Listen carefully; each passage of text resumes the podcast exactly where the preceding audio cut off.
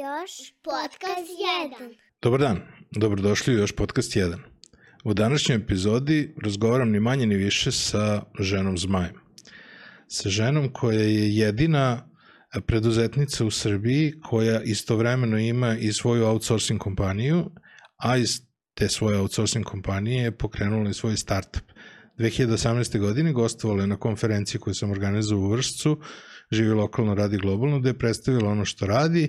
Naše prijateljstvo traje nešto malo ranije od toga, kada smo se upoznali, a danas, eto, smo rešili da, da porazgovaramo zajedno. Sa mnom je danas Dragana Čalija. Dobrodošla. E, bolje vas našla. Hvala Ivane, sjajan ovaj, intro. Uh, kao što vidiš, nasmijao si me onako pozitivno i drago mi je što si spomenuo sve što i jesi. A meni je to super, to žena zmaj, zato što to, post, koliko sam shvatio u tvom životu, uh, prvo si ti znala za tu nagradu i negde si maštala o njoj, uh, odnosno bilo ti je zabavno. Sa druge strane, tebe su zvali žena zmaj i na kraju si prošle godine konačno i dobila tu nagradu ovaj, E, rekao bih potpuno zaslužno. Šta za tebe znači žena zmaj? Ja, sjajno što otvaraš ovaj, ovu priču sa tom temom, ono što kažu, ajmo pravo ono, u, u jedno od, od uh, skorašnjih uh, situacija i, i momenta koje jesu onako baš sjajne i uh, ne znam, kao, kao što si i, i to sve lepo posložio, uh, to je bilo nešto što je uh, bilo ono što kažu zvezda, znaš, ono, koja sija tamo na, na kraju ovaj, nekog razvojnog puta i kad sam krenula sa preduzetništvom to mi je bilo ono kao znak da, da sam uspela u tome što sam krenula i to je nekako, ko što kažeš, bilo jako nekako nedostižno i gledajući uh, tu dodelu i onako osjećaj koji vidiš na licima žena koje staju na tu binu i dobiju taj neki, reći ćemo, pehar, ono kao čoveče, ali stvarno, ovaj kao uh, jeste napravila nešto i jeste da, da i to je meni bilo fantastično i, i nekako sama, sa, sama da to istraživanje kako postati žena, znaš šta ja to treba da uradim da, da bi u stvari dobila to priznanje, je bilo ono kao wow, ali te žene jesu stvarno nešto napravile, razumeš kao mm, onaj balončić iznad glave, znaš kao Aha. snovi, san, od prilike i nekako uh, kao što kažeš, kad se desi, e, nekako valjda sazriš u svom tom razvojnom putu i to ti dođe normalno. Um, i koliko, jako lepo osjećaj, ja, ja se sećam da, da sam imala onako momena da, da, da naš ti podrhtava jagodica od prilike kad, kad će te prozvati i dodeliti ti nagradu i jedan fantastičan uh, uh, moment gde um, ajde reći ću, uh, nekako dosta skromna sam i, i, i, i mi koji stremimo uvek ka nečemu višem, redko se okrenemo ka, iza da pogledamo i šta smo u stvari napravili, razumeš? Mm -hmm. I nekako uvek ideš daj, daj, daj još. I nekako imamo dozu možda ni podištavanja toga svega što smo uradili. I, mm -hmm. i mhm. mnogi pitaju, a jel si svesna, pa ko jel staneš i razmisliš o tome šta si sve napravila, razumeš? I oko ne.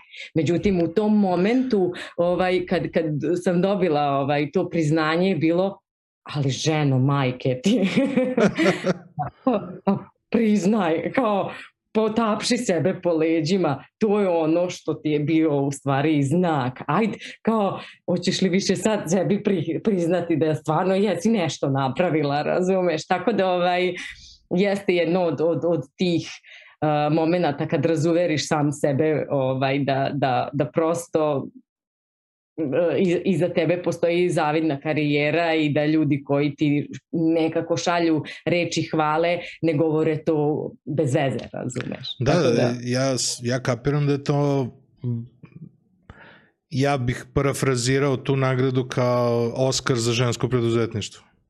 Pa da, da, slažem se, slažem Tako. Da, e sad, Oscar ima onaj, onaj zahvalni govor.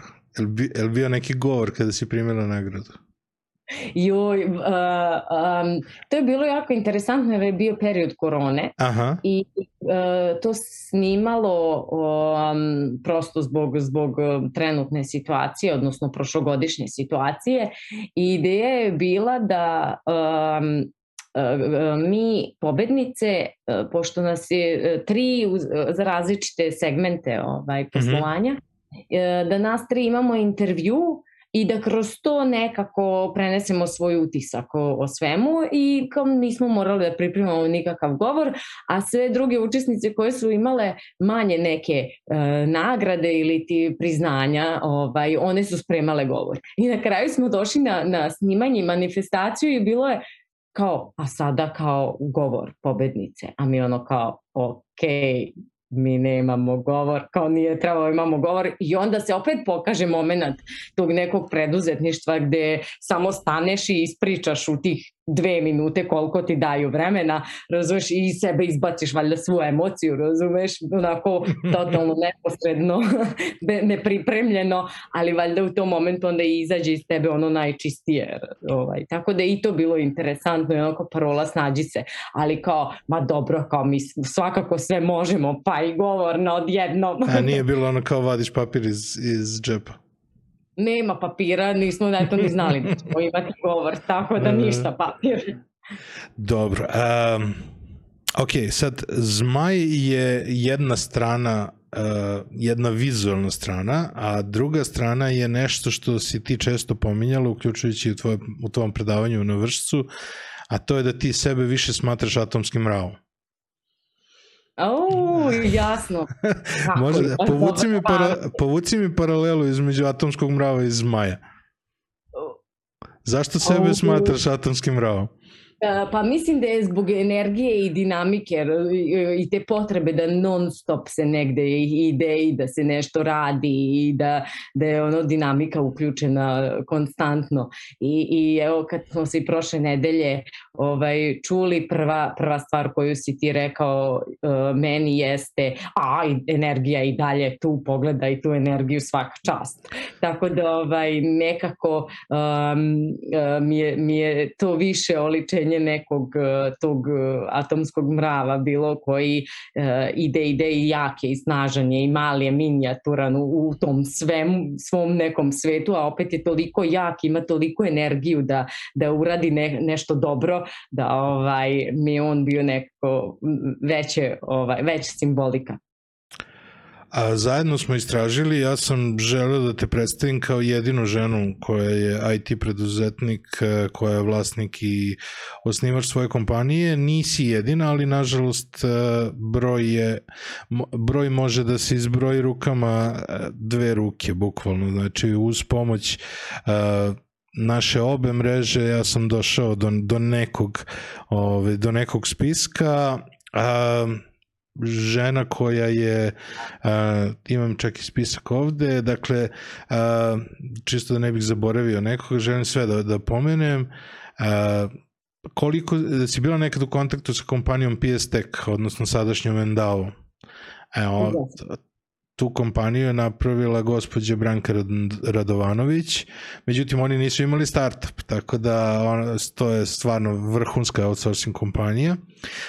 Maja Perović, Lazarević, e, pre toga Lazarević je pričala zajedno sa tobom na konferenciju u Vršcu, ona je imala marketing agenciju, pa onda iz marketing, odnosno content marketing agenciju, onda kroz to je napravila svoj startup koji kreira neka SaaS rešenja. Nekoliko uh, Nevena Sofranić, uh, oni imaju platformu koja služi za uh, regrutaciju, odnosno uh, napravili su platformu u okviru Omnes grupe koja se bavi headhuntingom i, uh, i uh, human uh, ljudskim resursima trudim se što više srpskog da koristim. Uh, Ivana Stefanović, e sad ovo su neki kontakti uh, žena koje ne poznajem. Ivana Stefanović je direktor u ZEAS Team R&D-u, Mija Zečević je CEO Nova Station platforme za upravljanje nekretninama i imovinom. Opet, dakle, često imamo to neko kao, e, imaju ne, kompanija se bavi nečim, pa onda imaju svoj, svoj neki razvojni deo, razvijaju neku platformu. Um, Manja Bogićević uh, ima uh, startup koji se bavi machine learningom u, odnosno uh, artificijalnom ige- inteligencijom u naftnoj industriji i Saša Novaković, uh, isto machine learning u, ovaj, u hemijskim istraživanjima. Tako da imamo neke, neke sjajne primere i vidim da sve više i više ovaj, ide u pravcu machine learninga, novih tehnologija i slično, ali uh, mi je eto, imaš i potvrdu da, da si i za sada jedina, nadam se ne predugo, da si jedina koja istovremeno ima i startup i outsourcing firmu. I a, imali smo jedno sjajno pitanje sa Twittera koje želim sada da ti postavim, a to je Da li znaš nekog muškarca koji je osnivač, vlasnik i direktor kozmetičkog salona i da njima upravlja? I, I da li bi išlo u takav kozmetički salon? To je naš prijatelj Ptiki postavio kao kontru na, na moje pitanje, odnosno kao odgovor na moje pitanje. Tako da li postoje biznisi koji su striktno određeni za muškarci i žene iz tvog ugla ili prosto treba da, da postoje biznisi gde, gde je apsolutno sve ravnopravno? Ja se slažem da, da uh, mislim da treba da je sve ravnopravno, jer postoje muškarci koji su vlasnici kozmetičkih salona kao i frizerskih studija i prosto je čak um, globalno ja mislim jasno svima da i muškarci su bolji frizeri koji ovaj jesu u tom uh, svetu da oni umeju da su bolji i modni dizajneri da s jedne strane u kuvarskoj industriji na kraju uh, će se više naći muškaraca kao dobrih kuvara nego žena iako mm -hmm. je ako ćemo gledati o, vaspitanje ili o, u generacijama ranije je to kao ženski posao, ali s, s druge strane kao struka je više mm -hmm. muškaraca, je li tako? Mm -hmm. ovaj, tako da mislim da je da, da naravno se ja okrećem ravnopravnosti pogotovo za, za sektore koji reći ću nemaju veze sa, sa tom, na primer, fizičkom spremom, gde mm -hmm. bismo imali neminovnu razliku između muškaraca i žena zbog prosto biologije, jel? Ali uh, kada dođe do, do tog nekog intelektualnog dela, um, mi svi možemo da radimo jednako. Uh, jednako u smislu kvaliteta, ali naravno sa drugačijim skillovima i drugačijim pristupima poslu. Koliko je kod tebe procenat u firmi? Koliko imaš muškaraca, koliko žena procentualno? E, kod nas je to već na nekih 50%, 50-50, mm -hmm. s tim da kad kažemo onih 50% žena nisu to samo administrativni project management pozicije, mm -hmm. nego ima i developera. Ima i developera. Da, ali e, nažalost e, statistika kaže da se, da se broj žena developera ipak vremenom i smanjuje. Da se smanjuje? Da. To već, uh, da. Ja mislila da, da se Uh, jel imaš neku informaciju i zbog čega? Ne, ne, ovaj, samo imamo tu informaciju da je a, broj žena na, na developerskim, odnosno programerskim poslovima sve manje i manje.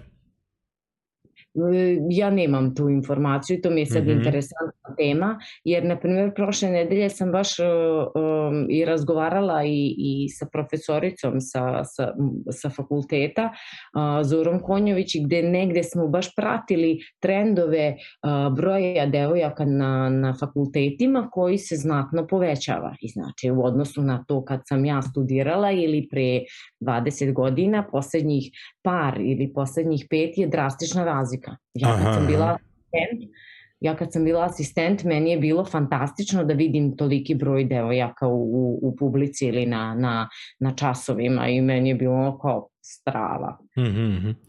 Tako da, da je interesantan taj podatak. Da, ali meni je bilo uvek fascinantno to da zapravo, i već se ponavljam ovaj, za ljude koji redovno slušaju, jako mnogo sam video primera gde je uvek druga ili treća žena u kompaniji, e, druga ili treća osoba u kompaniji žena.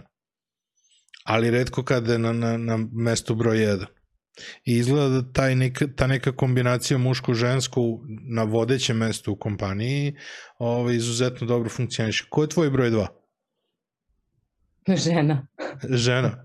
Dobro. Da. Eto. U mom slučaju žena, da. Eto, da. sjajno. Um, vezali smo se, ali negde ovaj, u firmi, taj neki top sloj ovaj, u firmi su Mhm. žene mm -hmm. i knjigovođe, advokatice, uh, moja desna ruka koja radi operations, um, account manager, project manager, taj neki govorni sloj su u suštini žene.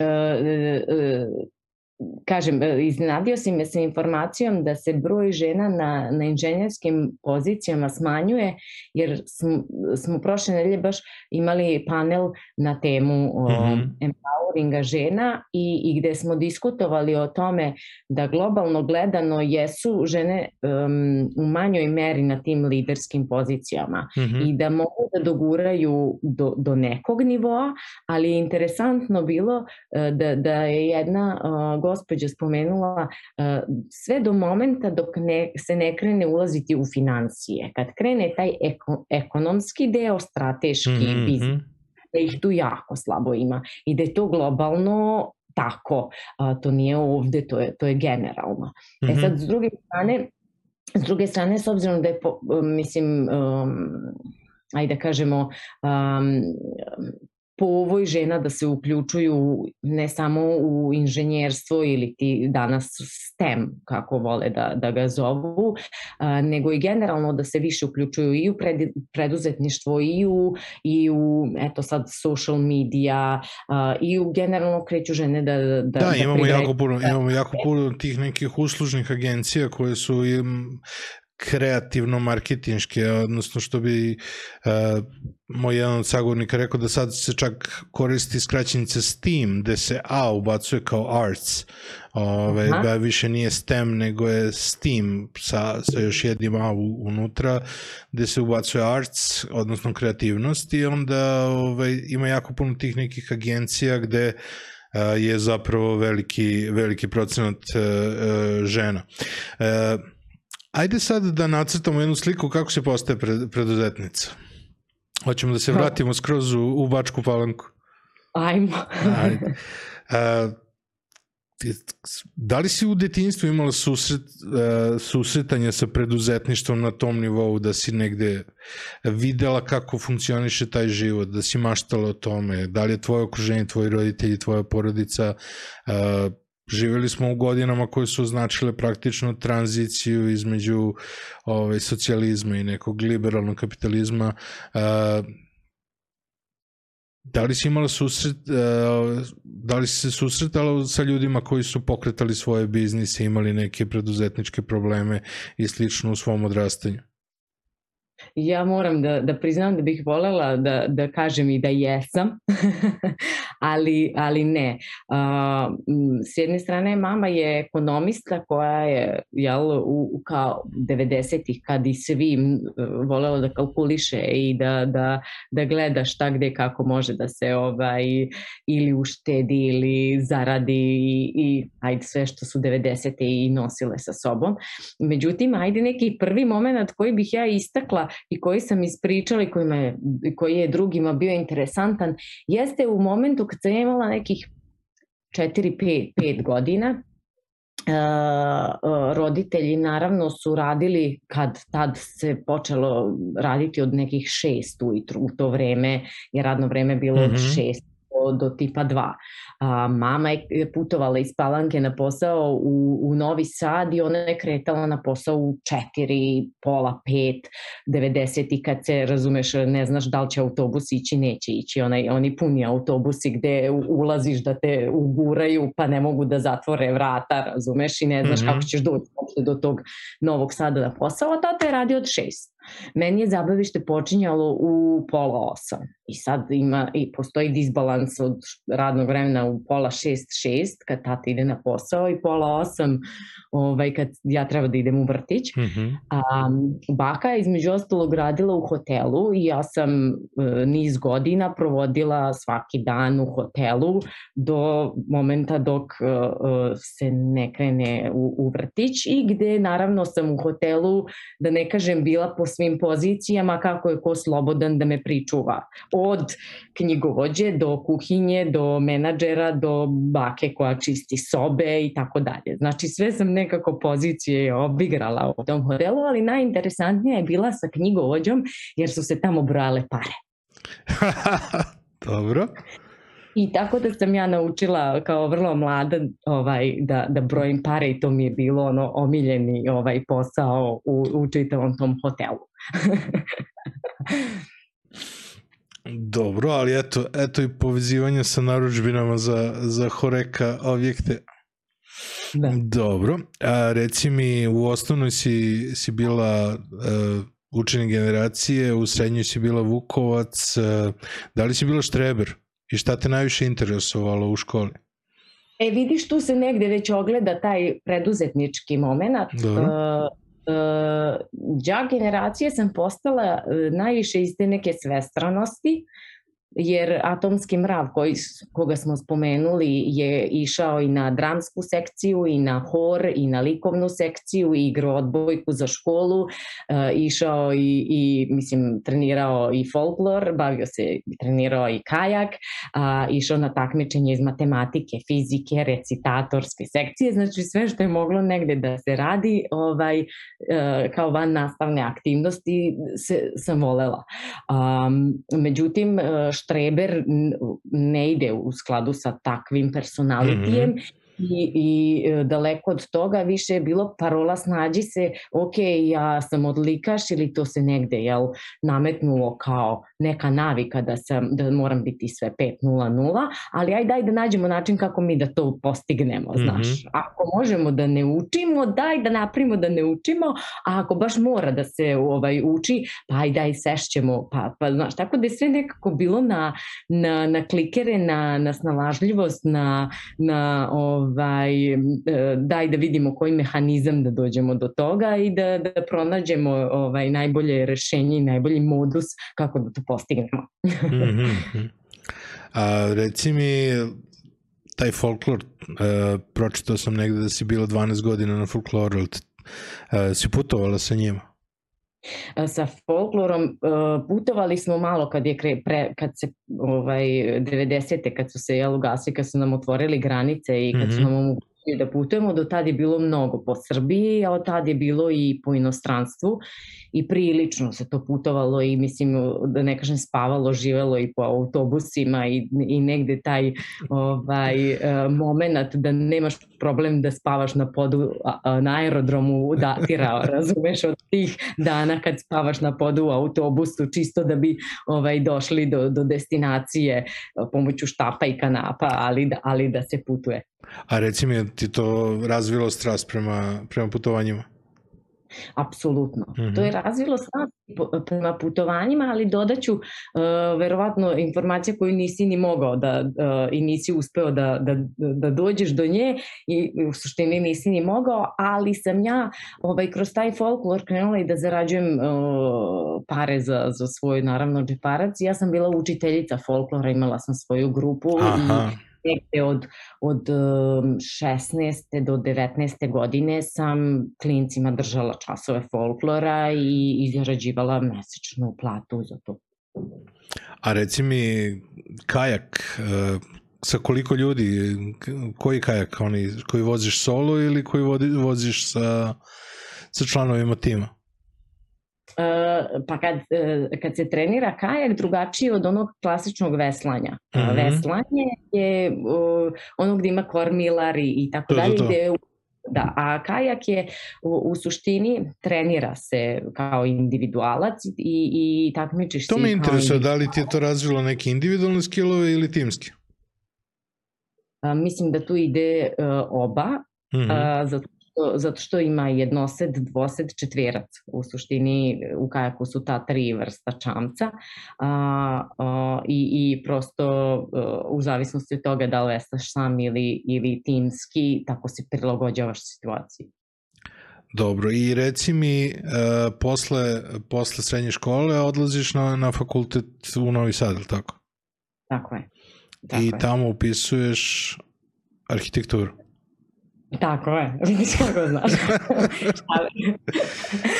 I baš sam čekala da vidim, rekao, hoće li znati za moment šta se desilo tada.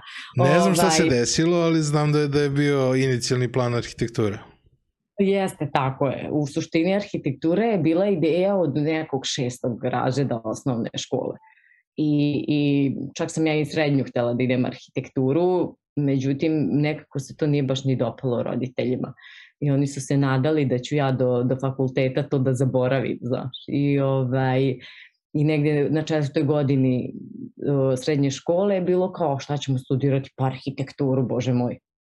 Uh, I, i s obzirom na, na to kefalo i taj moment matematike, programiranja, informatike, fizike, onako racio i realna odluka je bila elektro. Pogotovo što um, je i starija sestra studirala elektro i baš softversko inženjerstvo, odnosno ona je na automatici, pa je postoje primer da vidim kako to izgleda i šta, šta je u stvari elektrotehnika i to je bilo, to je bila onako prosto realna odluka. Mm -hmm. kao, ako neko pita šta bi ja studirala, to je negde to.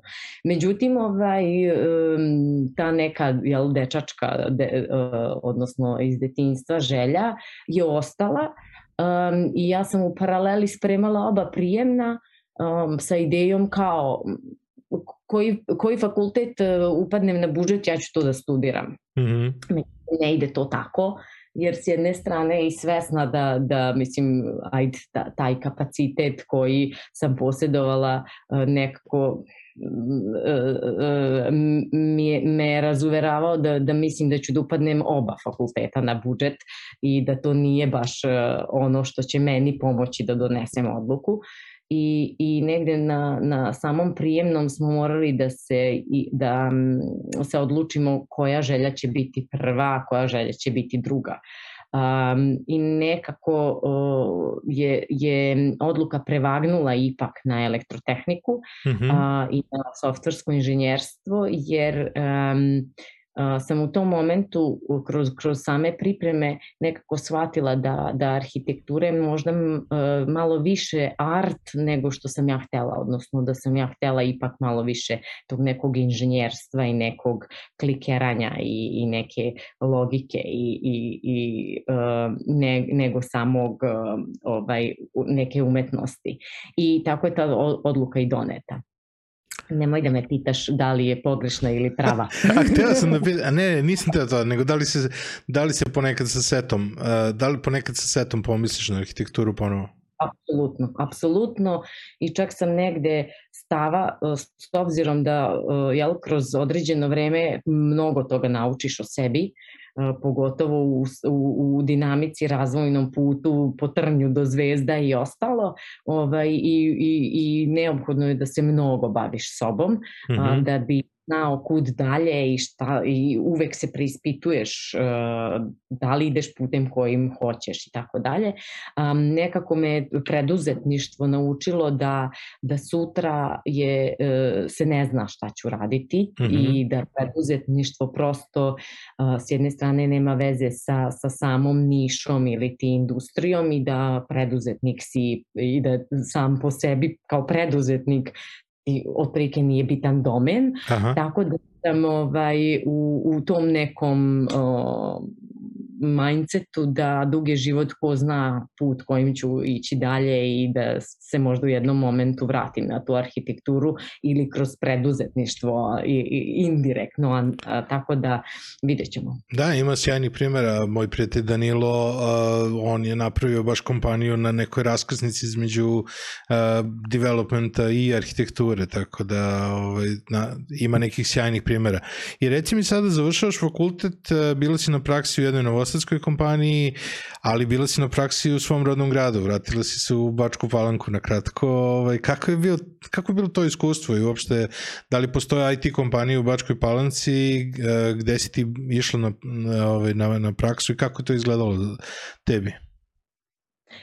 IT kompanije u Palanci eh, nema, ima možda nekih i freelancera, ali da postoji Aha. firma, što je jako interesantno, uh, ili eto i domaći zadatak za mene da sad ja istražim da li uopšte postoje IT firme u, u Palanci, ali u tom momentu uh, Svintelon je imao veliki IT centar i oni su jedni od prvih koji su uveli SAP i postoje baš i SAP tim i, um, i ajde, interesantno u pozadini je to da je, da je to mislim naravno firma gde je otac radio i u koju si išao kao ono, devojčica od 8-10 godina i to ti je bilo sve jao i znaš ovde tata radio. To je radio tamo?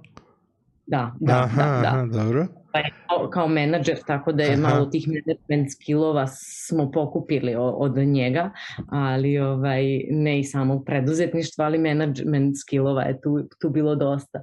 I nekako vraćaš se posle, jel, ma, kad si sad porastao i kao da treba da uđeš u svet tih ozbiljnih ljudi koji rade neki posao, jel, i dolaziš na, reći ću, mesto zločina u koje si, koje si gledao kao, kao dete i sve ti je tako bilo fantastično i i veliko i dolaziš u, u jedan ovaj, sve da vidiš šta je to tata radio uopšte tada.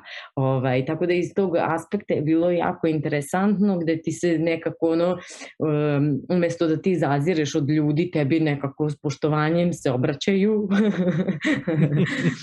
ovaj, um, i gde prosto su, su ljudi hteli da ti doprinesu i da ti dočaraju šta je to što oni rade i šta sutra potencijalno ja mogu da radim. Tako da iz tog ugla je bilo interesantno, um, jer, jer nekako, kažem, je sve poznato i negde te poznaju iz, mm -hmm. iz mhm. neke odnosno tatine priče. Tako da ovaj, je uvek lepo vratiti se u svoj grad. I onda završaš fakultet i gde počinješ? Um, gde počinje tvoja karijera? I nakon fakulteta ja sam odmah htela da idem u preduzetničke vode mm -hmm. ili nešto što ima neku dinamiku kao što si sam spomenuo u vezi sa putovanjima, sklop putovanja, sklop komunikacije, rada sa ljudima, interakcije, networkinga, mm -hmm. sklop inženjerstva i toga što ja jesam da, da ima veze sa softverom i, i sa, sa developmentom i um, negde sam ja tu uspela da, da bar, bar dogovorim poziciju u DMS-u, u Sales Technical timu, Dobro. koji bi trebao da, da uh, je sačinjen od, od inženjera uh, kako energetike, tako i, softvera, što mi je bilo strava prosto da bi bio deo tog tima, ti moraš da imaš fakultet koji ja jesam završila Um, radi se mahom pre-sales, gde se uspostavlja ta neka i prva komunikacija, prezentacije o tome šta DMS software jeste. Putuje se, radi se sa potencijalnim klijentima i, i meni je to bilo strava. M ću dobiti širinu, M ću imati mogućnost putovanja, M ću biti u struci i tako dalje. Međutim, to baš i nije ispalo onako kako je dogovoreno. Uh, pa sam otišla u, u web tim gde sam bila developer sa idejom da naučim šta je DMS software, pa kad naučim šta je DMS software, onda ćemo negde preći na, na, na poziciju koja je i dogovorena, međutim to se nije desilo. Mm -hmm. Tako da sam ja ovaj, ostala na toj web development poziciji nekih, pa reći ću, dve i po godine. Mm -hmm strpljivo, što mi nije ovaj osobina nikako a, a, i, i čekala tu, tu neku dogovorenu poziciju i kad sam videla da baš to i neće da se desi, onda sam odlučila da, da potražim uh, svoje mesto u toj firmi, m, prosto nešto što ima mnogo više veze sa mojim karakterom, skillovima, a ne, ne samo sa strukom. Mm -hmm. uh, gde sam inicirala poziciju, odnosno premeštanje u, u project management team. Mm -hmm. Dobro, i uh, kada se konačno rešavaš da, da izađeš iz priče i da kreneš nešto svoje? Je bilo još nešto među vremenu? Uh, pa o, o, odluka je, ajde da kažem, nekako ono, što kažu, probudiš se i shvatiš. Mm -hmm. odluka je doneta tad kad sam shvatila da, da o, prosto u, u DMS-u kao kompaniji ne postoji sluh za, za ambicije ljudi, za njihove mogućnosti i uh, kad sam shvatila da, da na poziciji project menadžera ja ne, n, prosto ne mogu biti, onda sam donela odluku da, da se konačno odvažim i odem u preduzetničke vode, um, jer um, sam nekako, um, ajde da kažem, radeći u toj kompaniji i gledala i uvek njuškala sa strana i kroz konferencije i kroz komunikaciju s drugim ljudima uh, šta sve to ljudi rade, na koje načine i, i donela odluku da prosto ja budem um, ona osoba koja će da rukovodi svojim vremenom i da ga investira maksimalno o, i iskoristi maksimalno o, onako kako želi Da, to si često pominjala da je za tebe 9 do 5 kavez i da, ovaj, da si želela da pobegneš iz tog kaveza. Ovaj. Međutim, e, jako puno pominješ networking, odnosno povezivanje i Kako izgleda taj networking u tvojoj fazi gde si par godina radila u jednoj ogromnoj kompaniji kao što je DMS? Kako izgleda taj neki networking koji moraš da, da uradiš pre ozbiljnog pokretanja posla? Mislim da je to ozbiljna, ozbiljna karika u celoj priči razvoja svoje kompanije. Kako to, kako to izgledalo iz tvog ugla? E, jako mi je drago što potvrđuješ i ti da je to ozbiljna karika, jer kad me pitaju šta mi je najbitnije ili ti, e, zbog čega ili šta ja mislim za, šta mi je pomoglo i zašto sam uspela jeste taj networking, odnosno velika baza uh, ljudi i, i uh, kontakata koja sam imala i da, da mi je to omogućilo da, da dođem do, do momenta gde sam sada. I negde Um, mislim, pre svega, uh, naravno, uh, bitan je i karakter i to da, da si otvorena osoba koja jako lako stupi u kontakt sa, sa, sa drugim ljudima i taj moj reći ću networking datira, mislim, eto iz, ne znam, osnovne srednje škole, možemo reći i kroz taj folklor se možda neguje taj networking, jer mi non stop smo imali kontakte sa drugim kulturno-umetničkim društvima i ti neki događaj spajanja kulturnih umetničkih društava su se non stop organizovali, ko danas meetupi, kao danas ne, ne, neke konferencije, tako smo mi imali udruženja i mm -hmm. slično. Um, I kaže mi, na primjer, postoji jedna dobra ovaj, priča od, od, od drugarice moja koja kaže Dragana kad je došla prvi dan na fakultet u amfiteatr, ona se prvo upoznala sa svih 250 ljudi u amfiteatru. I sam se vide ovako kako ide prilike po amfiteatru i, i spaja ovako ljude i govori aha, ovde je ekipa Sombora, ovde je ekipa Apatina, ovde je ekipa Kikinde, dajte ljudi da se međusobno, razumeš, onako povežemo družimo. Kao, to, to, to, e, mislim, meni je to bilo smešno, ali, ali negde kažem, pa da, valjda to i jesam ja. I ovaj, raznorazne organizacije od isteka do, do elektrijada, znači sve se to proželo i kroz samo studiranje, sve te, svi, svi reći ćemo žurke koje su se organizovale od strane studenta, događaja i bilo kog karaktera, znači bukvalno ideš i posećuješ i družiš se. Ja sam negde na trećoj, četvrtoj godini krenula i da, da idem na konferencije. Ljudima je bilo jako čudno kad sam ja, ne znam, na trećoj godini fakulteta, gde svi su, e, mi moramo da programiramo, ja sam otišla na PR Week koji se tada organizovao. Ja mislim da se to više ni ne organizuje. Tada je bio PR Week, kao šta će tebi kao inženjeru elektrotehnike, neki PR, javni nastup i ostalo. Čekaj, stani, hoću da negujem svoje skillove, da vidim šta ti ljudi znaju prosto da, da se da naučim šta znači javni nastup, kako prići ljudima, kako komunicirati sa ljudima. Mm -hmm naučiš neke dobre lekcije koliko god ih ti znaš, naučiš jako dobre lekcije kako prići nekome, kako ostvariti komunikaciju, prvi kontakt i tako dalje. Pa ne znam, e, konferencije o leadershipu, pa onda meetupi raznorazni, e, ne znam, PHP e, meetup koji se održava svake godine i nekako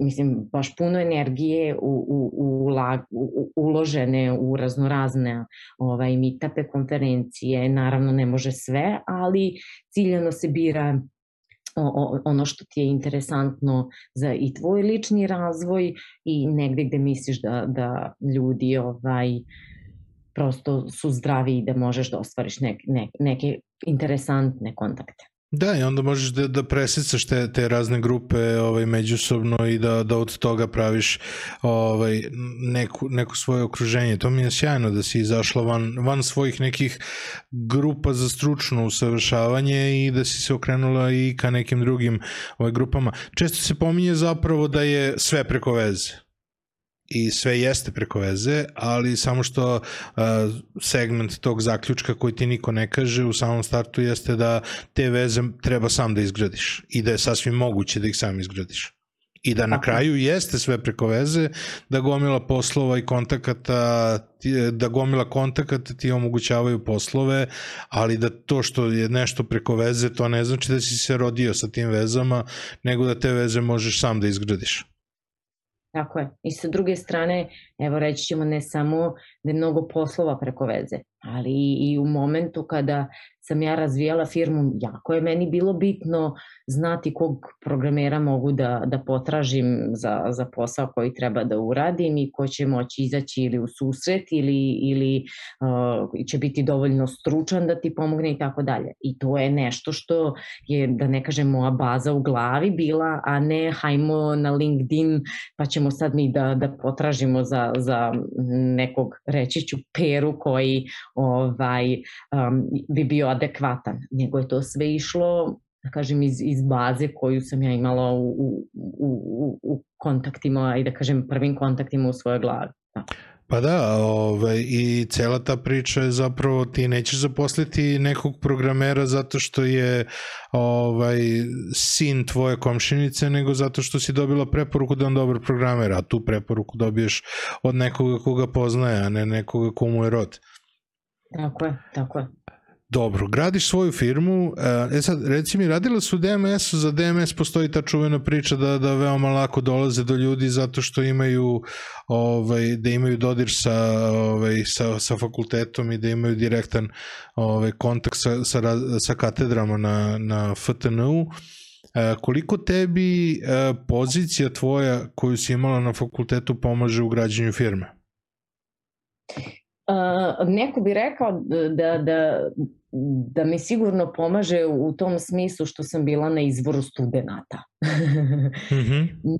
Međutim, u mom slučaju uh, pozicija asistenta na fakultetu je doprinela više razvoju uh, moje firme u smislu referenca da ja kao žena inženjer znam taj posao jer uh, uh, na početku doći do prvog ozbiljnog klijenta je bilo prilično teško, jer um, ajde, ja uh, sa 27, 8 godina i onako baby face, jako mladolika, um, bilo je onako prilično interesantno uh, razuveriti nekog klijenta da, da ti kao one man show mm -hmm. na čelu kompanije uh, možeš da, da postigneš ne, nešto veliko ili ono što njima neophodno.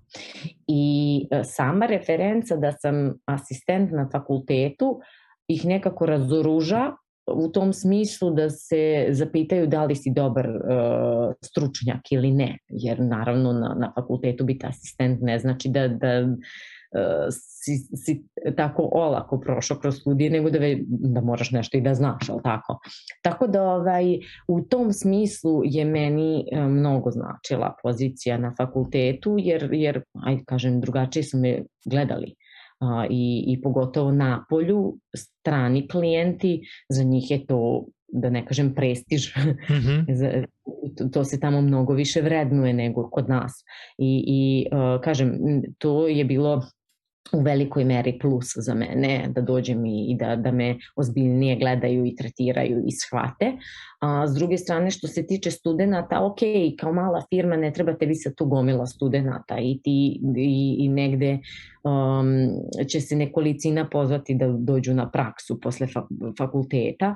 Uh, ne mogu da kažem, bilo je uh, i prošlo je kroz firmu o, i kao zaposleni i kao o, stipendiste ili na praksi niz o, studenta koje sam upoznala na fakultetu i to je sjajno, ali mislim da, da taj, um, ta količina upoznatih studenta um, će, na primjer, tek sad biti interesantna kad su oni stasali, kad su oni već malo i izgrađeni ovaj, kadar, a ne samo studenti koji su prošli kroz, kroz fakultet. Opet, kažemo, kroz onaj networking, ali networking sa, sa nekim, reći ću, dilejem. Mm -hmm. Da, kad su, kad su friški, ono, kao nije, nije ovaj, bolje, bolje da malo ovaj, negde, negde izuče, izuče zanate, da. A, ali reci mi sad, e, kad posle ćemo doći do, do, do, do pokretanja startupa, Uh, ali je ovde, ovde važno kontekstualno, u nekom trenutku si morala da napustiš poziciju uh, asistenta na fakultetu zbog objema posla koje si imala. I uh, da li u tom trenutku uh, svesno gubiš deo koji ti je bio važan ili ga prosto koristiš i dalje kao neka vrsta istorijske reference ili ovaj ili je ili ti je to ozbiljan ozbiljan gubitak sa kojim moraš da da radiš. Uh, I bilo mi je prilično teško, moram priznati, ali uh, iz uh, druge neke ambicije. Um, nekako bih volela da sam imala mogućnost da nešto, reći ću, promenim na tom fakultetu a, ili da nešto um, doprinesem uh, nauci iz uh, aspekta industrije. I mislim da je to i, i profesorima koji su me i, i pozvali na fakultet bilo i sjajno, jer malo je ljudi na fakultetu koji mogu da, da prenesu neko iskustvo iz prakse i sve se bazira i orijentiše ka, ka tom nekom ka toj nekoj nauci i teoriji, um, a manje kroz praksu. Uh, interesantno je to što sam ja držala um, metodologije brzog razvoja softvera ili ti agile, i gde je jako bitno mm -hmm. iz neke prakse prineti studentima šta je u stvari metodologija brzog, brzog razvoja ili šta je u stvari um, agile metodologija i to studentima jako teško da, da, da prihvate uh, jer su oni tu došli da kodiraju. A danas agile jedno od ono must have ili osnovnih stvari mm -hmm. u, u razvoju softvera. Um, tako da mi je bilo teško to što, što si hteo da doprineseš e, nekoj promeni, nekom, e, nekom reći ću upgrade-u ovaj, e, samog načina studiranja. Međutim, to naravno kao asistent je nemoguće i to se radi kad stasaš tamo sa 50-60 postaneš mm -hmm. redovni profesor ili, ili, ili neki šef departmana pa onda ovaj, dođeš do te mogućnosti i onda mi je bilo ok, ja svakako tu ne bih ništa mogla jer, jer opet ja sam preduzetnik i fokus je privatna firma um, i, i nije bilo moguće postići jedno i drugo u smislu okrenuti se i nekom dodatno PhD-u i, i e, pisanju naučnih radova i guranju akademske karijere, a usput i razvoj outsourcing firme i startupa koji u tom momentu je postaje aktivan i gde postoji cilj skaliranje startupa na inostrano tržište. Tako da... Nisi uspela da se kloniraš? Nisam, nažalost. kao, samo trenutak, kao, ovo je, ovo, je, ovo je moj duplikat Dragana koja je doktor nauka, a ovo je moj duplikat Dragana da. preduzetnica. I prosto se zapitaš, ok, šta je, šta je, šta sam ja i kojim putem ide mi kao nešto, nešto mora da se, da se umiriše. Dobro, aj mi sad reci ono kao, kako startuje tvoja firma? Kako si ti to pokrenula? Koji su pr, kak, prvi dan, ono, kao, kako to, to sve funkcioniše? Kako, ko je prvi zaposleni? E, ko je prvi klijent? Kako se dolazi do prvog klijenta? Šta, znači, kao, daj mi ono kao 0,1, daj mi ovaj, prvih par dana. Kako, kako počinje jedna, jedna IT firma? Um, ajde, ajde ovako kao intro. Masa firmi koji se bave outsourcingom u Srbiji krene tako što nađu nekog dobrog inostranog klijenta za koga krenu da rade outsourcing i te inostrane firme traže, ok, daj mi sa troje ljudi, daj mi pet ljudi, daj mi deset ljudi. Međutim, kod, i to je sjajan način o, najbolji mogući. Međutim, kod mene je priča krenula tako što sam ja rekla, ok, ja od sad imam firmu. Probudiš se sutra i imaš firmu. Od, skoro. Ja sam a, znam da ti je i taj moment interesantan, pa ćemo se posle vratiti i na to.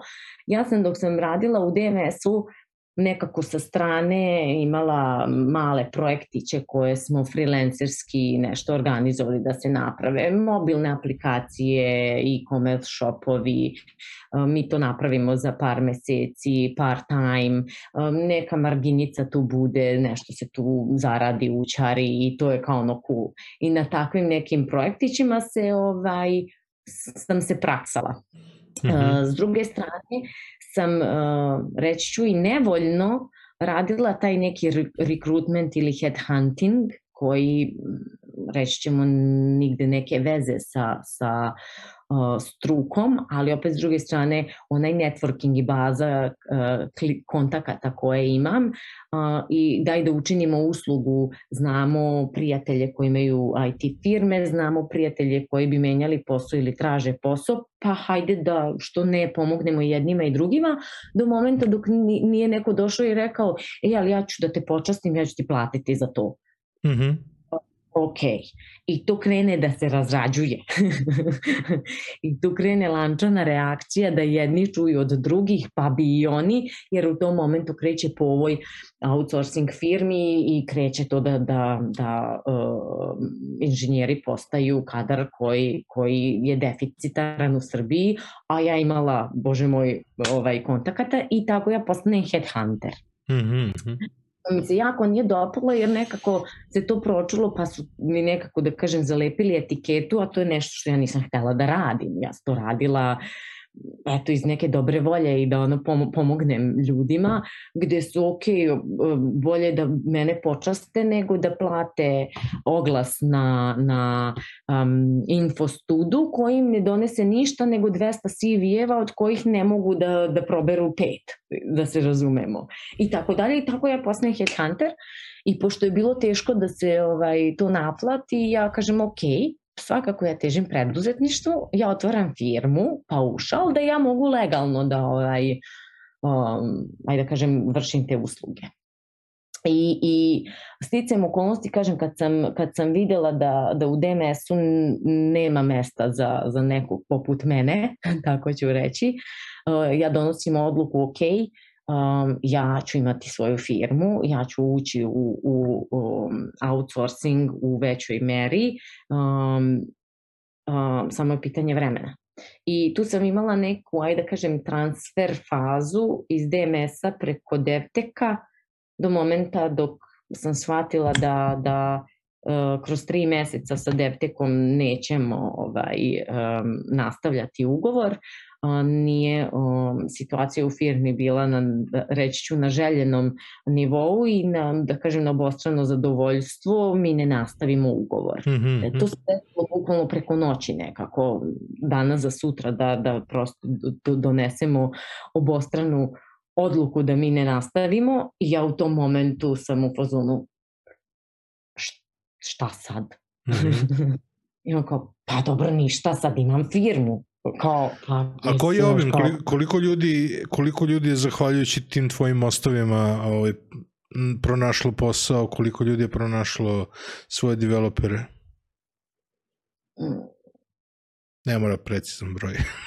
pa možda, možda nekih 15-20. E, nekih tipa pet ljudi je otišlo u inostranstvo. Aha na neke pozicije našlo poslove u inostranim firmama sa radnom dozvolom kroz, kroz ceo taj proces. Tako nešto, 15-20. Dobro, si čuvala par njih za sebe kad pokreneš svoju firmu?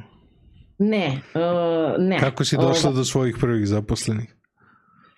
Pa opet je nekako bilo to kroz kontakte. Mm -hmm. uh, i, i mislim da je bio, bio dobar režim rada um, da ljude uh, kroz te neke oblike uh, part-time posla kad vide da je dobro i da priča ide u dobrom smeru, donesu odluku i da dođu kod tebe. Mm -hmm. I ja taj model dan danas koristim jer mislim da je jako dobar, jer ljudi koji um, jer kad, kad se ljudi zapošljavaju ne znaju gde idu, ne znaju u stvari šta je ta firma. Mm -hmm. um, znaju preko referenciji onoga što je ne, neko rekao, ali ti dok ne počneš da radiš, koji mi sa, sa, sa zaposlenima, dok ne počneš da radiš, ne znaš uh, s kim imaš posla, što bi rekli.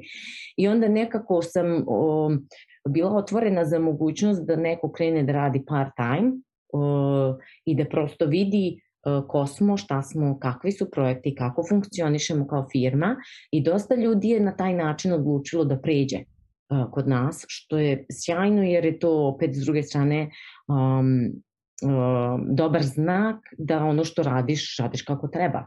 Uh, i, i da je neko kad se u, uverio da to tako funkcioniše, došao full time uh, kod nas u firmu. Tako da je i to bio jedan od, od režima rada, na koji način ili, ili prosto um, uh, sam gledala i da su to preporuke ljudi koje ja znam ili smatram vrstnim programerima i kvalitetnim programerima, jer, jer nekad nije super da ti um, da tvoji ljudi, tvoji poznanici nekako rade za tebe.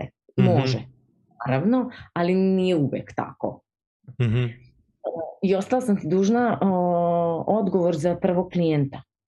A, dobro, to možemo, a, to, to, to može da bude sledeće pitanje. Ovo mi je interesantno zato što ja sam u stvari provalio da zapravo to neko vreme kada su Infostud koje si pomenula, pokrenuli su onaj a, drugi portal Hello World koji je zapravo upravo bio da bi se razmenile te informacije kako ove, ljudima, ali prvenstveno poslodavcima, tako da očigledno da u isto vreme su uvideli da, ovaj, da oglasi bez informacije o poslodavcu i slično ovaj, nisu davali dovoljno rezultata pa su onda unapredili ceo taj segment i posle toga i svi ostali sajtovi koji su želeli da im, konkuri, da, da im budu konkurencija praktično su imali taj segment koji upravo bio neko ocinjivanje poslodavaca, komentari, komunikacija da zapošljavanje e, je otišlo malo, malo dalje od e, prostih oglasa, tako da mi je ovaj, to, to posebno važno. Uh, upravo to me interesuje, dakle pomenulo si taj freelancing koji ti je bio neka ovaj, neka vrsta part-time-a ovaj, dok si bila u prethodnim kompanijama,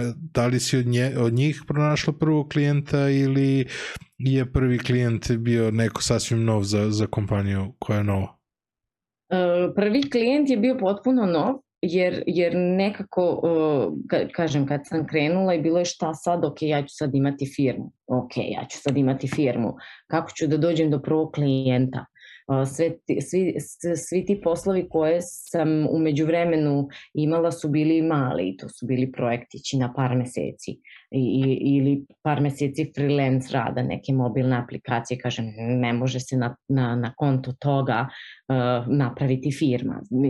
Treba neki ozbiljni klijent, ozbiljni, ozbiljni i poslovi, ozbiljni projekti, uh, dugoročniji projekti da bi ti mogao uopšte da se posvetiš, radiš uh, na, na svom timu, na zapošljavanju, na, na širenju i tako dalje. I, I ja u Srbiji u tom momentu um, ne puno kontakata na polju i u tom momentu još uvijek nisu bile toliko um, ajde da kažem, dostupne ni, ni informacije s polja. LinkedIn nije bio toliko razrađen kao danas za, za uspostavljanje i tih nekih poslovnih uh, saradnji.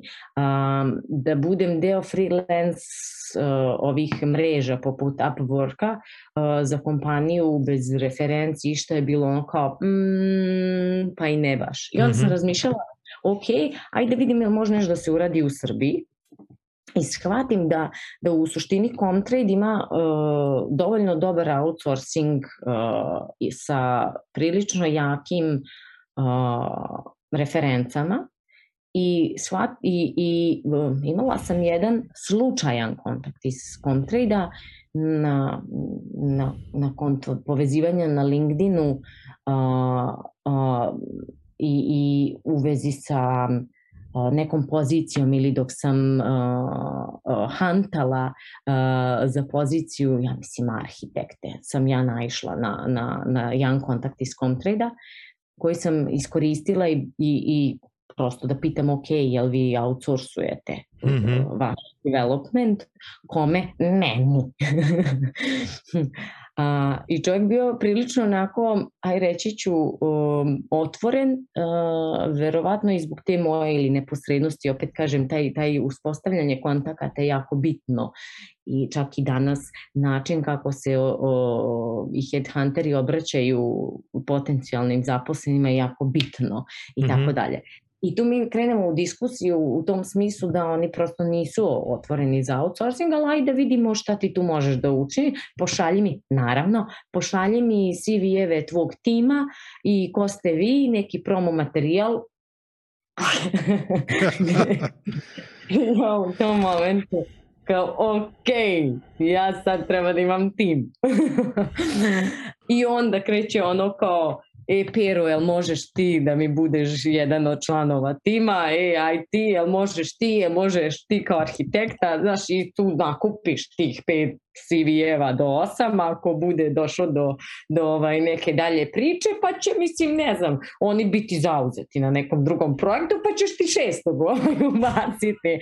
ovaj, samo da dođemo u mogućnosti razgovora za, za potencijalni posao. To je trajalo 6 do 9 meseci uh, uh, da oni pošalju meni promo materijal, pa ja pošaljem njima, pa da vide oni ko sam, šta sam, pa ajde, i to sve ono, kroz dve nedelje, kroz dve nedelje, kroz tri nedelje, kroz, razumeš? Mm -hmm. I da bi, da bi imali fazu, ja kažem pucanja čoraka, uh, gde su oni videli da ja ne puštam i da, da na sve njihova pitanja, zahteve sam ja tačno onako kako smo se i dogovorile, ispoštovala i slala sve što su oni tražili. I da bi ovaj, uh, krenulo, kažem, pucanje čoraka u tom smislu da ajde oni probaju sa mnom nešto, uh, pa jel imam ono nemoguća misija pozicije na, na projektima koji su ono, ne znam, mesec dana da putuje čovek u Irsku, uh, senior sa 8 plus godina iskustva da otprilike krene za dve nedelje, razumeš? I ono da. kao, daj kao ljudi, razumeš? Pa ko dan neće mi dati studenta sa fakulteta da, razumeš, angažujem, nego ono što oni ne mogu. Mm -hmm. I tu je kad je krenulo pucanje čoraka gde je bilo takvih ponuda puno, i na šta sam ja sve uredno ovaj, odgovarala i slala kandidate koji su bili fantastični, gde su oni kroz mesec, dva ustanovili da što bi rekli, đavo odno šalu i da tu možda nešto i možda se uradi. I onda su rekli, aj sad da ozbiljno ovaj, razgovaramo. A meni je bilo, pa nismo do sad bili ozbiljni posle šest meseci svega nečega, znaš. I tu je krenulo, kažem, posle nekih devet meseci, uh, prvi projekti. Ja sam tad postala prvi jedini outsourcer Comtrade-a. Mm -hmm. Sada ih ima mnogo um, i posle mene su pustili i druge zato što su videli da to može da funkcioniše. Uh, ali um, je SND u suštini u jednom momentu bio kompanija sa najviše ljudi, najvećim prometom, najdužim stažom i ono mm -hmm. kao mhm. pik. Ovaj, I s druge strane, meni je, meni, mislim, ozbiljna su kompanija gde nikad nije bilo problema u vezi sa saradnjom. Projekti su bili jako dobri što se tiče tehnologija, što se tiče referenci za, za kompaniju i to je bilo, kažem, strateški ući u, u nešto što će ti doprineti da, da budućim zaposlenima možeš dati dobre tehnologije, dobre projekte, zvučne klijente uh, koji će meni sutra za kompaniju biti dobre reference. I znači prosto je fokus bio na, na, na toj nekoj stabilizaciji i mogućnosti da, da, da se gradiš. I kako nalaziš prvog stranu klijenta? A,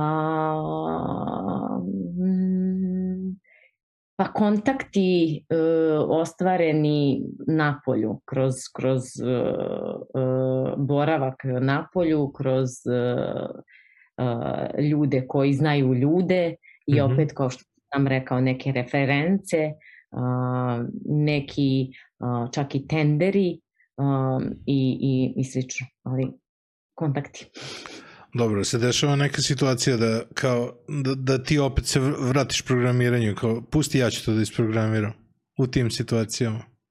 E, u suštini ne, dešavalo mm -hmm. se, mhm. ajde na, na fakultetu dok sam bila asistent, u firmi ne, ali se desi ono kad krene nešto da ti programer govori a imamo problem tu, tu, tu i tu, pa brate uzmi samo mu napiši ovo i pozovi mu tu funkciju i rešit ćeš problem. Aha. Uje, pa čoveče, znaš kao, o, ali sve manje. Mislim, Aha. da ne kažem skoro nikako. Aha. Baš jako slabo. Ok, trenutak e, prelaska sa outsourcinga na, na startup se dešava kada? Kad, a, i kada se dešava u glavi, a kada se dešava u vremenu i razvoju kompanije? A, dešava se u momentu kada je u mojoj glavi e, firma posti, e, e, što se tiče outsourcinga smo postigli, postigli neki um, neću reći stabilni moment, ali to kako ide, mislim u svakoj firmi imate period rasta, period stabilizacije, pa i, i tako dalje. Um, dešava se u momentu kada, kada um, je firma narasla na nekih pa dvanestak ljudi uh, u outsourcingu i, i moment uh, gde se radi skaliranje sada outsourcinga gde se pravi neka struktura gde se vijaju uh, drugi, treći, peti klijenti, prave timovi, pravi organizacija. Mm -hmm. U nekom u tom momentu ja mislim da ajde, ja lično nisam bila spremna za organizaciju, sistem rada, pravila, procedure i taj neki utegnuti ovaj um, sistem, utegnut u smislu koliko im može ili treba za, za, za toliku veličinu um, i treba mi je neki novi izazov koji je stvaranje uh, nečeg novog i neka nova dinamika jer neću reći da je na kraju lako ili brzo se sve to ostvarilo po pitanju outsourcinga, nije, ali se desilo, a količina energije uh, s moje strane je bila ogromna u tom momentu za, za, za nešto novo.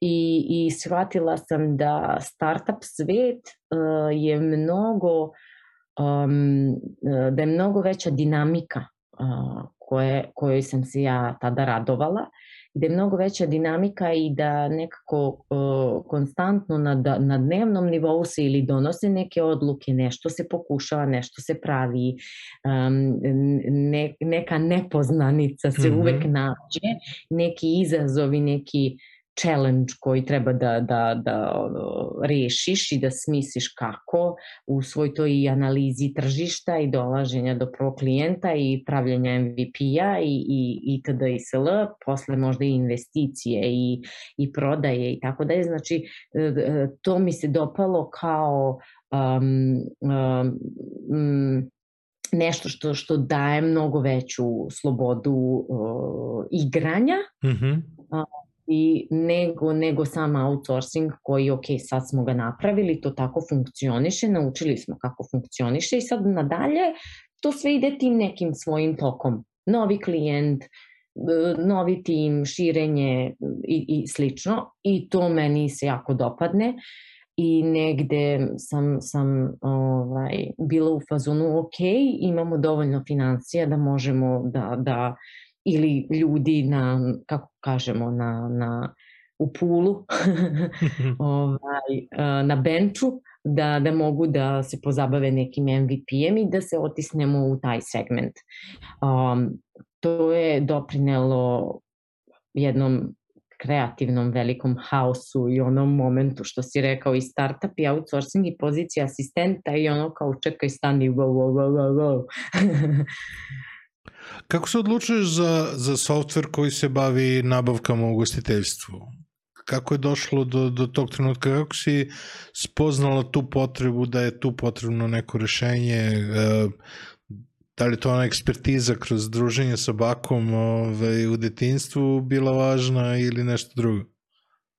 Um, više je orijentisano ka prijateljstvu iz detinstva, uh, gde uh, je, je najbolji prijatelj u ugostiteljstvu od maltene malih nogu mm -hmm. i kontinualno druženje i ja koja se pridružujem na svim nekim mogućim aktivnostima koje se dešavaju u ugostiteljstvu, uh, ulazak u, u nišu i, i konstantna neka diskusija o njegovim problemima i šta se tu dešava, šta su, šta su uh, mane, gde su gepovi, um, je, je proistekla da, da uh, krenemo sa tim.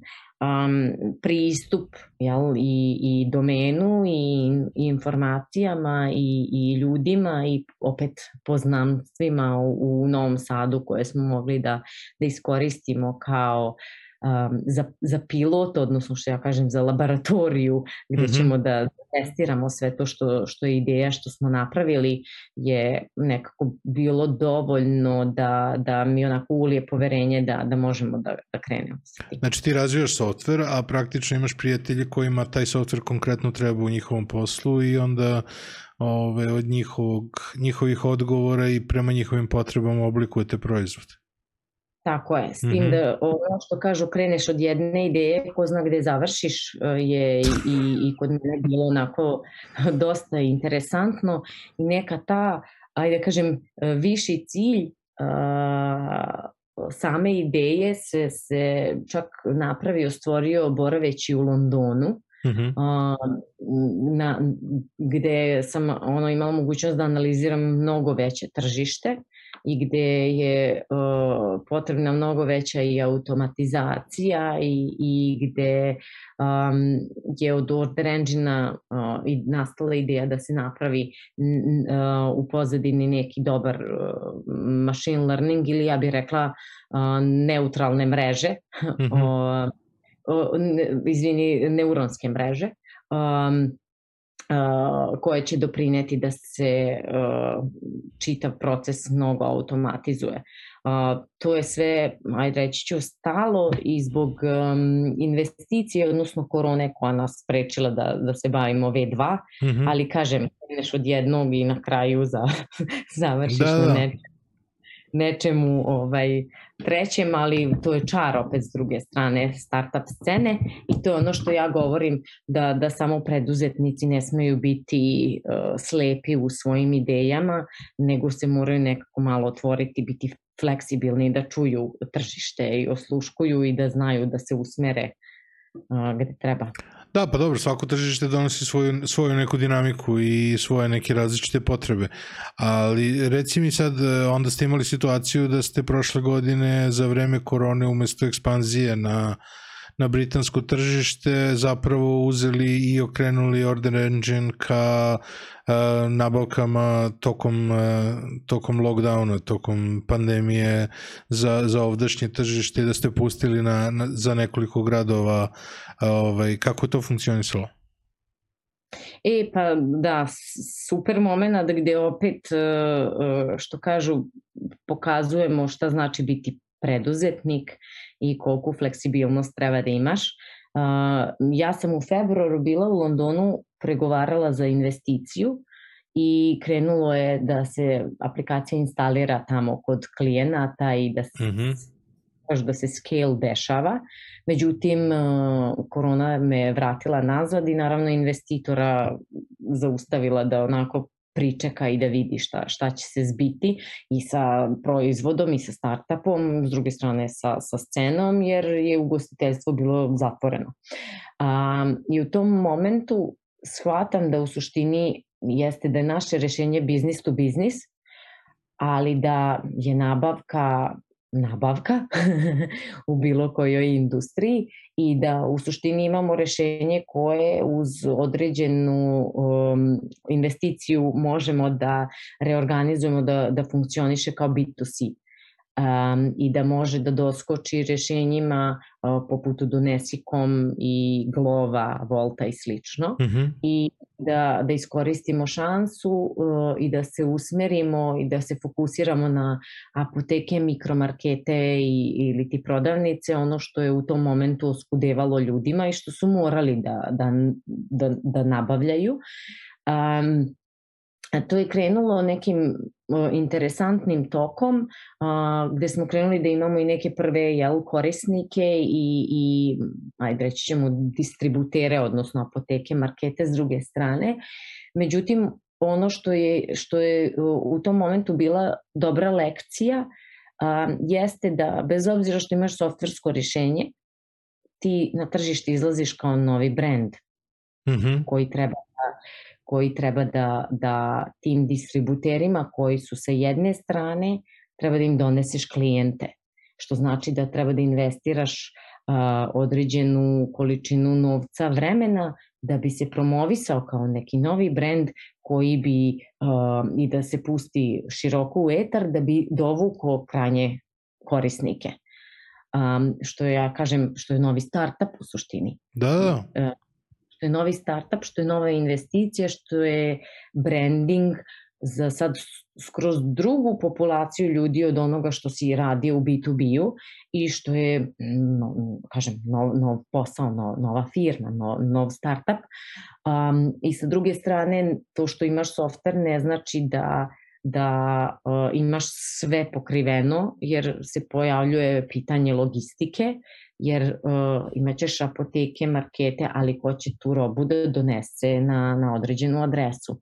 A ako se prepusti uh, strani apoteka, uh, to može da bude usko grlo, a ti kao front deo čitavog tog, čitave te priče si na udaru i ti si odgovoran za sve. Mm -hmm. Iako njima kasni roba na kućnu adresu, loša ocena ide za softver, ne da, ide za ono ne ide za onog ko je to dostavljao i ne ide za mikromarket koji je spakovao nešto drugo, nego je na udaru softver. Što znači da opet odgovornost za čitav taj lanac se vraća na, na tebe. Mm -hmm. I imali smo mogućnost da krenemo sa saradnjom, sad tu naravno logističkih kompanija, ili kurirskih službi koje će imati um, ekskluzivno pravo da samo za nas ovaj, voze. Uh, međutim, opet što kažem, puno uh, činilaca za mali vremenski period koji, morate da, koji smo morali da postignemo da bi to sve zaživelo je, je bilo upitno. I uh, nametnulo se da, da donesemo odluku da taj B2C deo krenemo da prodajemo kao white label, uh, za, ajde, reći ćemo gledalce koji ne znaju šta je white label, uh, znači da naše rešenje um, kastimizujemo, odnosno oblikujemo za krajnje korisnika sa njegovim bojama, logovima i da ga optimizujemo tako da klijent dobije svoje rešenje koje mu pomaže da učini nabavku za svoj sistem efikasnijom. Mm -hmm. uh, tako da smo krenuli sa onda white labelingom kao modelom prodaje i, um, i imamo sad dosta klijenata ne samo iz ugostiteljstva ili kurirskih službi, nego i drugih uh, sistema koji uh, žele da svoj proces nabavke automatizuju, ubrzaju i da ga prebace na, na digital, mm -hmm. što je što je korona u suštini i donela. Tako da se ovaj, eto, time namestio taj novi model poslovanja ili, uh, koji je mnogo jednostavniji. A reci mi u, u tom trenutku, dakle, postoji jedan period u kome si rešila da se okreneš kompletno stranom tržištu i praktično si se preselila, bila već u London i nastavila tamo da radiš. E, kako si se preselila u London? Koji su, kako si uspostavila mrežu sada za potrebe e, širenja posla u Londonu? Kako, kako se kreiraju ti kontakti? Pošto verujem da si primenila isti model kao što si sve ostalo radila u životu, da si prvo izgradila mrežu pa si tek onda uradila konkretne neke korake. E, mogu ti reći to je onako bilo challenging, jer aj u svojoj zemlji opet znaš, imaš neku bazu od koje krećeš, jel? Mm -hmm. A kad odeš u London, onda ne, nemaš nikoga. Dobro. Ovaj, i, I ne znaš nikoga. Ali, ovaj, kao što kažeš, negde nekim sličnim uh, principima um, Uh, ima puno meetupa i, i u Londonu se zna uh, gde je centar startupa, IT scene, uh, gde se um, prave konferencije za, za pičovanje, čega je mnogo, mnogo više i opet us, na svim tim mestima se radi određen networking. Tamo opet um, i po tim um, po domenima ili ti industrijama postoje orijentisani uh, pitch sesije, odnosno o, o, konferencije i slično, pa se negde u toj kao food industriji ili, ili horeka industriji opet se orijentišu ovaj, um, određene, određeni događaj. Sa druge strane, ono što mi Srbi volimo, kreneš da izlaziš u grad mm -hmm. pa kreneš da upoznaješ menadžere restorana ili, ili, um, uh, ili ugostitelje sa kojima krećeš da pričaš na zadatu temu, pa oni krenu da te usmeravaju jedan uh, do drugog i kreću da te povezuju, uh, gde tako krećeš da širiš mrežu ljudi. Um, ima dosta naravno tih konferencija, odnosno sajmova za Horeku i samo prisustvo na, na sajmu gde su, gde, gde je veliki broj distributera koji ti, koji ti um, omogućavaju da razgovaraš s njima ili ponudiš proizvod je opet jedan od, od, od načina. Um, um, ajde reći ću, skupo je to što boraviš u Londonu, da, da, neka, da, da ne bi neko rekao za sve to treba novac. Skupo je boraviti u Londonu, ali sve te konferencije, um, sajmovi su suštini for free, uh, i mogu da se ovaj dešavaju događaji i tu se skupljaju ogromne ogromni kontakti koji te onda posle usmeravaju negde negde dalje.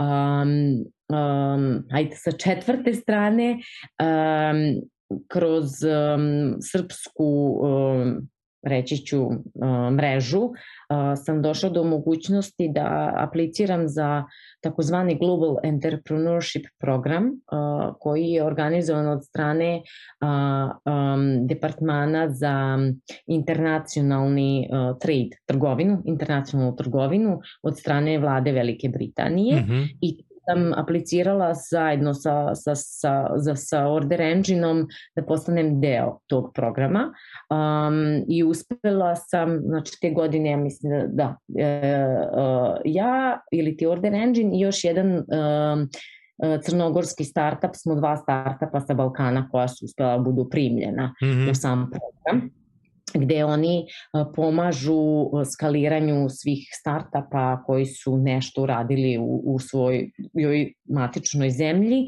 pomažu njihovo skaliranje.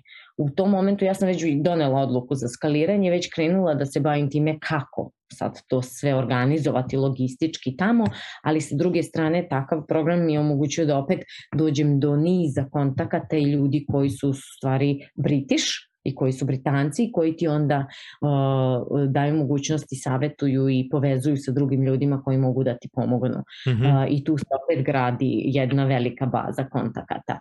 Um, Uh, s druge strane, uh, naravno, uh, pitanje je i kako, um, se, sem, kažem, kontakata i svega toga, kako um, otvoriti firmu u Londonu kao neko iz Srbije i na koji način to onda administrativno, operativno sve uh, preneti tamo i organizovati. To je, aj sad, nova tema.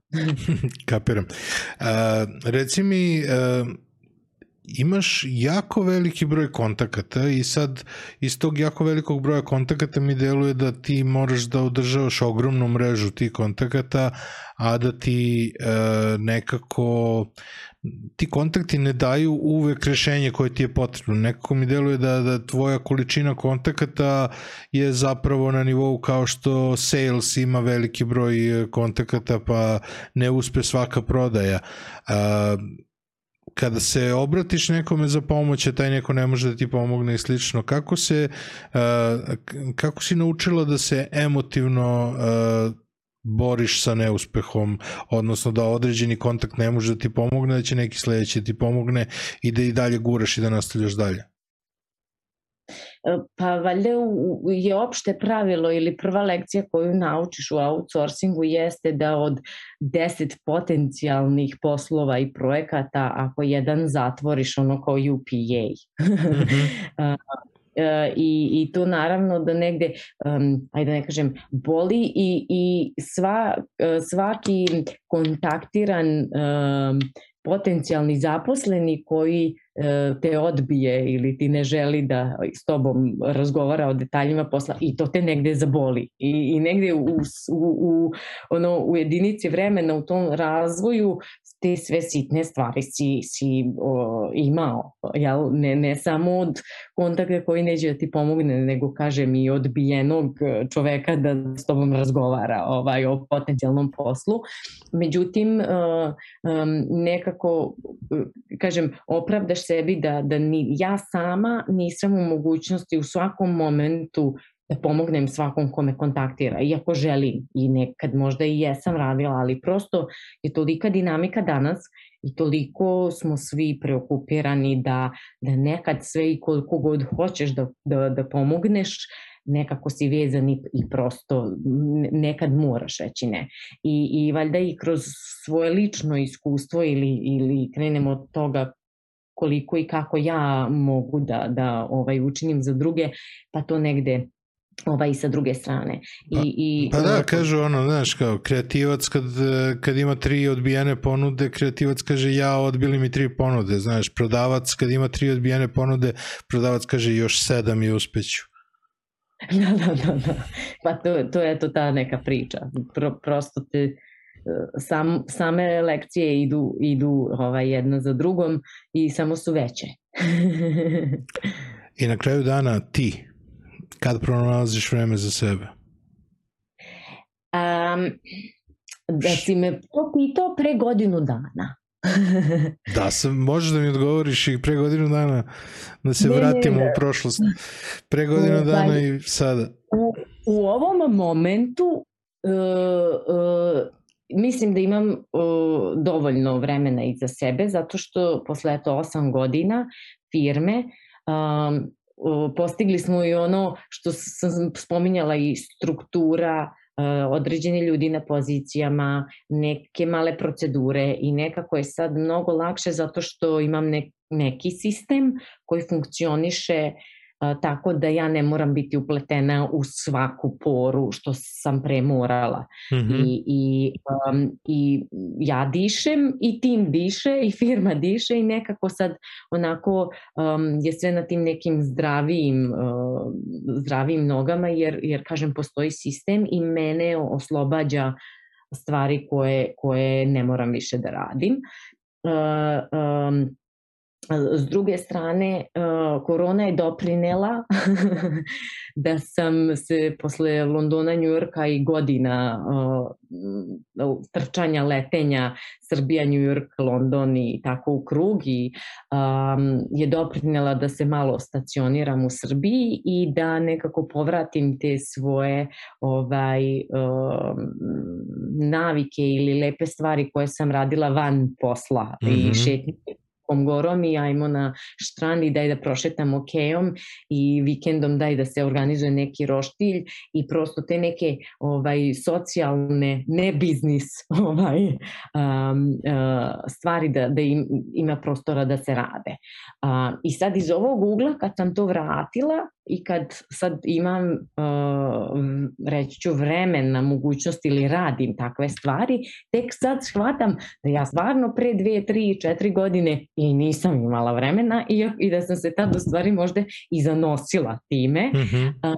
ili uh, su prioriteti bili drugačiji, jer prosto tad je firma bila u određenom statusu i negde te je vuklo to da hoćeš da širiš se na napolje što smo i pričali, ja volim da putujem i ogromna energija je dolazila iz samih tih putovanja i ogromna energija se je dolazila do mene i sa samim upoznavanjem novih ljudi, novih nacija, Londona kao Londona. I nekako te to tako sve vuče vo, i vozi, što bi mi rekli, da, da ti je to predstavljao i taj neki privatni deo života i kroz cirkulisanje po i upoznavanje ljudi zbog posla si ti uživao i, i privatno u, u širenju i ispunjavanju svega onoga što voliš. Novi ljudi, novi kontakti, dinamika, uh, skitamo, idemo na ručkoje događaje i tako dalje.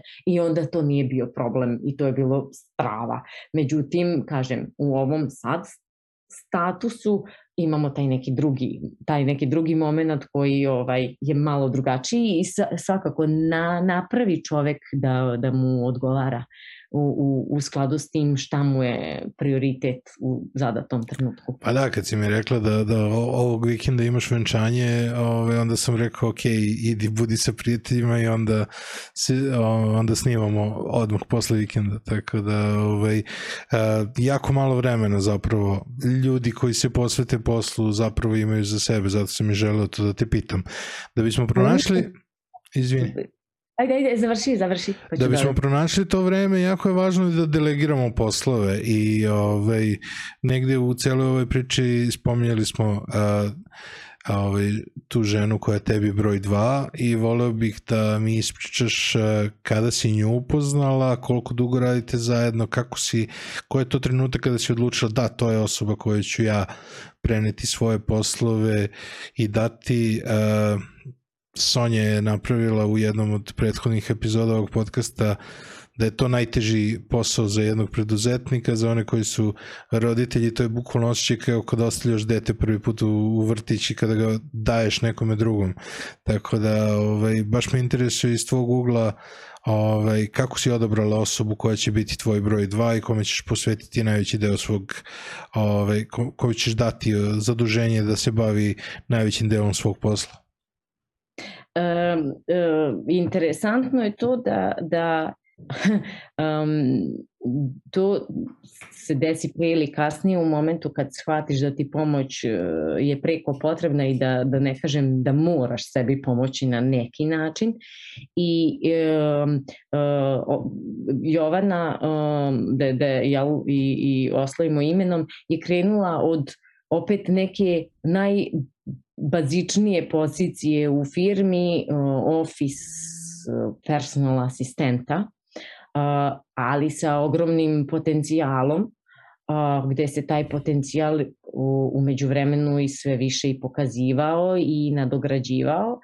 I um, s druge strane je i sjajno što je počela od tako bazične pozicije, jer je opet prošla kroz raznorazne pozicije u samoj firmi i učenja svega toga što, što uh, doprinosi ili ti što jeste um, voditi jednu firmu. Um, negde sam ja ajde, u tom svom i, i razvoju, što kažu, htela i brže da dođem do, do o, osobe koja će moći da me zameni, ali o, nekad ili čak reći ću često a, nije tako lako zaposliti osobu na, na, na tu poziciju jer se i, e, poverenje, poštovanje a, mora graditi vremenom. A, I i a, e, a, e, godinama zajedničkog rada a, se jedno po jedno tu prebacivalo na, na, na nju, poverenje se a, gradilo i, i kažem osoba je stasavala a, do mere da, da ono što je meni neophodno da se sa mene izdelegira može. Um, mislim da, da je, um, a s druge strane, jako bitno um, prepoznati i šta su mogućnosti osobe, šta su limiti i u skladu sa tim i postupiti, jer um, ono što, što je mač s dve oštrice ili je rizik jeste da, da od ljudi očekujemo da budu, što ti kažeš, naš klon i da, uh, da pronađeš nekog ko će sve raditi poput tebe. Međutim, um, mo, moje iskustvo uh, je da, da uh, uh, to prosto ne može, je tako? I da um, sa onim što raspolažemo to prihvatimo i iskoristimo u najboljem mogućem svetlu i mm -hmm. da uh, je usmerimo u onome u čemu je dobra i da iz toga izvučemo maksimum, a za sve ono što, što o, prosto a, ne ide ili nisu skillovi, ne forsiramo nego nađemo nekog trećeg. A, tako da, um, eto, iskustvo se pokazalo da na kraju a, nisam zaposlila nekog, nego sam gradila osobu uz mene niz godina da bi, da bi došli do situacije da, da uh, i poverenje postoji i da prosto se stvari samo mogu predati dalje. Sjajno. Ove, reci mi, kakve ljude tražiš za budućnost, za sebe, za prijatelje, za, za, za rešavanje nekih problema, za neke zaposlene? Da li postoje neki ljudi, e, da li postoji neki profil ljudi koji trenutno da si u potrazi za njima? Aha, uh, Pa u ovom momentu ono što bi mi mnogo olakšalo život jeste uh, segment prodaje za startup mm -hmm. uh, gde um, uh, mislim kako na domaćem tako i na inostranom tržištu, više inostranom, i negdje mislim da je situacija sad e, se stabilizovala i da nas korona onako pušta da dišemo i da se to ugostiteljstvo vraća na, na svoje noge i da u skladu sa tim i, i skaliranje order engine treba da se vrati na svoje noge. I uh, treba da se vratim i fokusiram na, na sales ili reći ćemo biz dev, ali više sales um, za, za sam proizvod i, i nekako hoću da, da taj moment uh, pokrijem i da, da nađem nekog ko je ko je onako passionate u, u tom povoju, pohodu, da jedan startup koji reći ćemo ima proof of concept i radi i ima prodaju sad nekako pogura ovaj, sa novom energijom. E, to mi je jedno od, od, od, od reći ću ključnih trenutno stvari koje bi, koje bi mi onako prilično ovaj, olakšalo reći ću život. ok, i sad za, za sam kraj, tvoja porodica, dakle tvoje najbliže okruženje, kako su oni gledali ceo tvoj razvoj kroz sve ove godine? Kako jedna porodica podržava ženu preduzetnika? Um, kom, uh, ajde ovako reći ću, komunicira svoju brigu i zabrinutost jer prosto to je porodica. porodica verujem, verujem da su bili prestravljeni kad si dala otkaz i kad si htela da pokreneš svoju firmu. Haos. da citiram, pa kako 30. ti u mesecu uvek legne plata, zar to nije lepo kada to, se probudiš tog dana i ta plata dođe i uvek znaš da će doći tog dana i imaš svaki dan skuvan ručak u toj firmi, ne moraš da brineš o, o tome šta ćeš sutradan da jedeš. ovaj, da, bili su prestravljeni i, i to je njima bilo uh, um, reći ću gluposti šta ja sad tu radim, ajde reći ću i ono sa 27 godina, pa umesto da se udaš i rađaš decu, ti sad krećeš u, u neki no, novi, ovaj, novi rizik ili ti novi svijet, pa ne može to tako, pa ti si žensko, ti si devojčica, ti treba da se sad udaš. Laži mama. ovaj, tako da da, ovaj, uh, u tom inicijalnom momentu je bilo previše brige i naravno neslaganja sa, sa tim, jer, jer um, to neko patrijarhalno jel, vaspitanje je prisutno vjerovatno u većini porodica. Međutim, s obzirom da, da i sama mama kaže, mi se kod nje ništa nismo pitali nikad. I ovaj, ona je to sve tako išla i sama radila. I eto sve super i radila, pa onda nismo ni ovaj, nismo mi tu ništa puno ni kočili zato što su jel, ovaj, naučeni iskustvom do sada da kad hoću nešto zacrtam tim putem idem, to izguram, isteram i nema tu sad da, da ide njihova briga u redu. I da je to logično jer su roditelji, ali da ovaj, um, svojeglavost ili ti zacrtan neki lični cilj ne može baš ti, e, neko promeniti. Um, nakon tog naleta ovaj, um, brige, um, u velikoj meri je sad tu podrška, um, naravno savetodavni karakteri i ostalo, tu je sve prisutno, ali um, valjda to na kraju kad vide da sve to može i sve to post, postižem, um, su onako preponosni i, i uh, uh, najbolja publika za sve intervjue. Aha, aha medije, štampu i, i, i tako dalje. Ovaj, tako da, da je sad ovaj, prilično pozitivno. Ali još uvijek provuku neko od tih starih pitanja? Pa kako ne? kako ne? I dalje je ovaj neko pitanje šta si danas kuvala. Aha, ovaj, nisam ništa. Pa kako ti, devojčica, ti moraš svaki dan da kuvaš, ne mora. Napravila sam software na ručiću. da, ovaj, tako da ovaj, uh, sve to nekako prihvatimo kao, kao jel, uh, najbolju nameru. Hvala ti puno, bilo mi je divno. Joj, hvala i tebi puno i meni takođe. Ovo je bio moj razgovor sa Draganom Čalijom, ženom Zmajem, atomskim mravom, mravicom, kako je sada aktuelno. Vas pozivam da se besplatite na ovaj kanal, lajkujte ovaj video ako vam se dopao da bi YouTube preporučio drugim ljudima koji su slični vama, ako nas slušate na podcast platformama, preporučite svojim prijateljima da nas slušaju. Hvala vam puno i vidimo se sledećeg četvrtka. Приятно.